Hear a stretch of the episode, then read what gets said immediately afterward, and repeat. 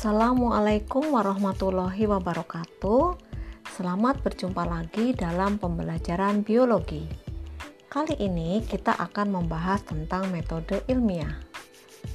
Metode ilmiah atau proses ilmiah merupakan proses keilmuan untuk memperoleh pengetahuan secara sistematis berdasarkan bukti fisik. Metode ilmiah merupakan suatu kegiatan penelitian objektif untuk menemukan, mengembangkan, dan menguji ilmu pengetahuan. Kegiatan penelitian ilmiah menggunakan metode ilmiah memiliki langkah-langkah metode ilmiah. Langkah-langkah metode ilmiah tersebut adalah 1. Merumuskan masalah. Sebelum melakukan penelitian, kita harus mengidentifikasi masalah terlebih dahulu. Masalah penelitian dapat diperoleh dari literatur seperti buku, majalah, artikel, jurnal ilmiah, dan lain-lain.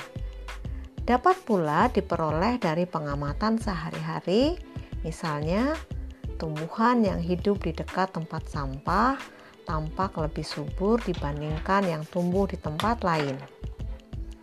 Kemudian, kita merumuskan masalah yang bertujuan untuk memperjelas batasan permasalahan yang akan dicapai. Rumusan masalah dibuat dalam bentuk kalimat tanya, dapat menggunakan kata tanya apa, bagaimana, dan mengapa.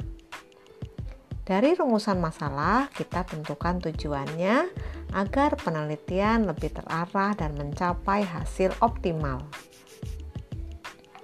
Langkah yang kedua, observasi atau pengumpulan data atau informasi. Pengumpulan informasi dapat berupa teori, konsep, atau hasil penelitian yang sesuai dengan masalah yang diajukan. Langkah ketiga, hipotesis atau dugaan sementara. Hipotesis atau dugaan atau jawaban sementara mengenai suatu hal atau permasalahan yang akan dibuktikan kebenarannya melalui data-data atau fakta-fakta hasil penelitian. Langkah keempat, melaksanakan eksperimen. Hipotesis yang kita ajukan harus diuji kebenarannya dengan melakukan eksperimen atau percobaan. Sebelum melakukan percobaan, terlebih dahulu kita harus menentukan tujuan, alat dan bahan, langkah kerja, dan kelompok percobaan berdasarkan variabel percobaan. Variabel adalah faktor-faktor yang berpengaruh dalam suatu eksperimen. Macam-macam variabel eksperimen di antaranya adalah variabel bebas, yaitu variabel yang sengaja dibuat tidak sama dalam suatu eksperimen. Variabel terikat, yaitu variabel yang terjadi karena perlakuan variabel bebas. Variabel terkontrol, yaitu variabel yang dibuat sama dalam suatu eksperimen. Variabel pengganggu yaitu variabel yang tidak tidak diharapkan tetapi dapat mengganggu hasil percobaan. Langkah kelima, analisis data. Data hasil eksperimen harus dianalisis dan diolah dalam bentuk tabel, grafik, atau bentuk yang lain.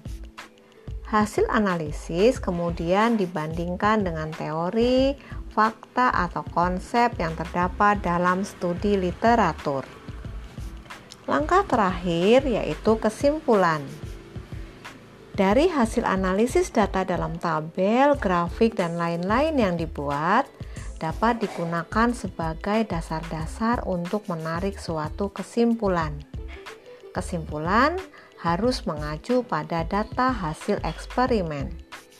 Dari eksperimen ini, ada kemungkinan hipotesis diterima atau ditolak.